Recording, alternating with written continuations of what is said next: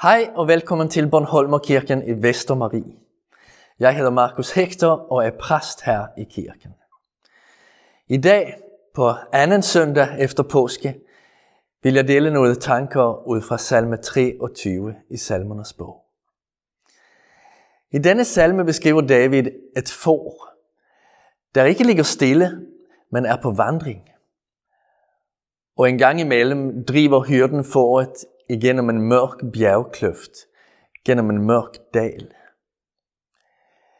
Det ville være utrygt for fåret, hvis det ikke var for at hyrden er hos det. David havde gået i mørkets dal mange gange i sit liv. Han vidste, hvad han talte om. Og lige nu er der mange kristne nede i den dal. Det er måske syge, eller af anden årsag nedslået og bekymrede.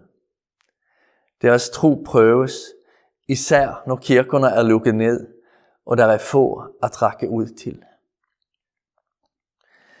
Vores hyrde, Jesus Kristus, forsikrer os i denne salme, at han er hos os der i mørkets dal.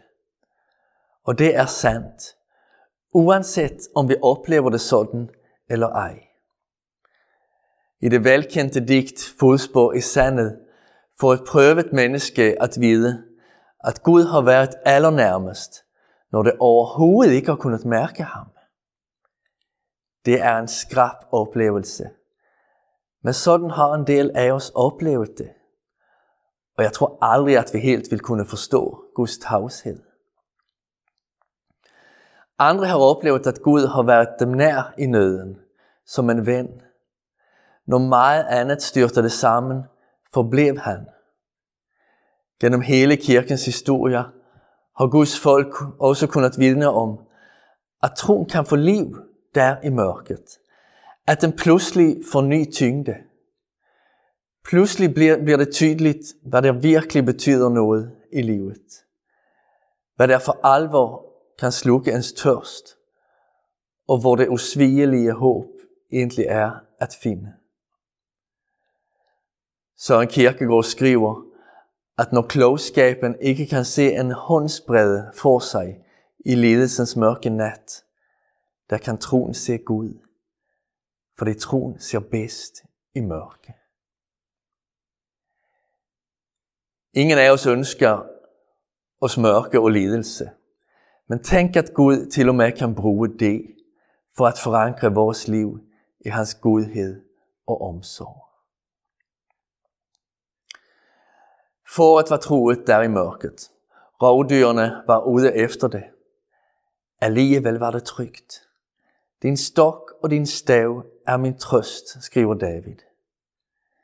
Stokken brugte hyrden til at slå rovdyr eller mennesker ned, der ville stjæle fåret. Med staven vejledte hyrden fårene, drog dem tilbage til sig, når de prøvede at løbe væk. David erfarede, hvordan Gud brugte både stokken og staven i hans liv. Ved stokken afhjalp hans truslerne fra Saul, og ved staven trak han David tilbage til sig efter affæren med Bathsheba. Endnu i dag trøster Herren sit folk og engagerer sig for det. Stokken er Kristi kors. Helligånden fører os igen og igen tilbage til korset og Kristi sejr. Nød, angst, forfølgelse, sult, nøgenhed, fare, svært. Nej, skriver Paulus, intet kan fordømme os, og intet kan skille os fra Guds kærlighed i Kristus. Fjenderne er besejret. Staven er Guds ord ordet om Kristus. Ved ordet fører Helligånden os tilbage til Kristus, når vi er på vej væk fra ham. Han rammer vores samvittighed og giver troen nyt liv.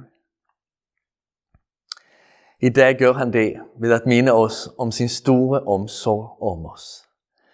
Salme 23 er mættet med ømhed og velvilje fra Guds side. Ved et nærmest idyllisk billedsprog beskrives glæde og åndeligt liv.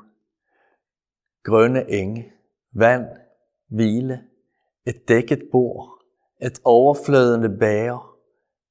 Så længe vi lever her på jorden, følger Guds godhed og troskab os. I dag har vi set lidt nærmere på, hvad det betyder, at han er hos os, til og med i den mørke dal. Efter livet her skal vi bo i Herrens hus alle vores dage. Vi beder. Herre, vi takker dig, fordi du dækker et bord for os denne søndag.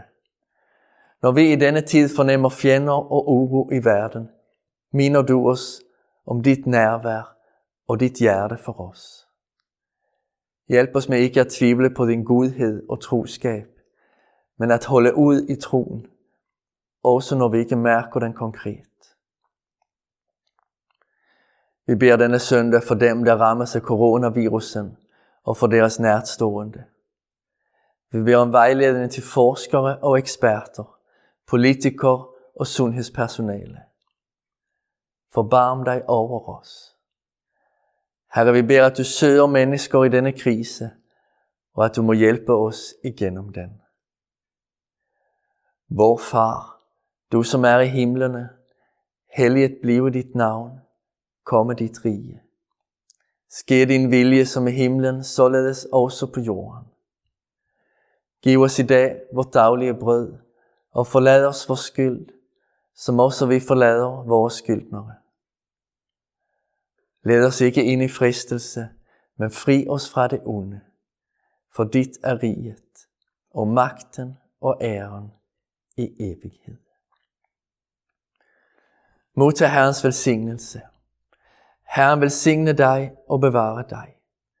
Herren lad sit ansigt lyse over dig og være dig nådig. Herren løfte sit ansigt til dig og give dig fred. I Faderens, Søndens og Helligåndens navn. Amen. Tak for det, du så med på gensyn næste søndag.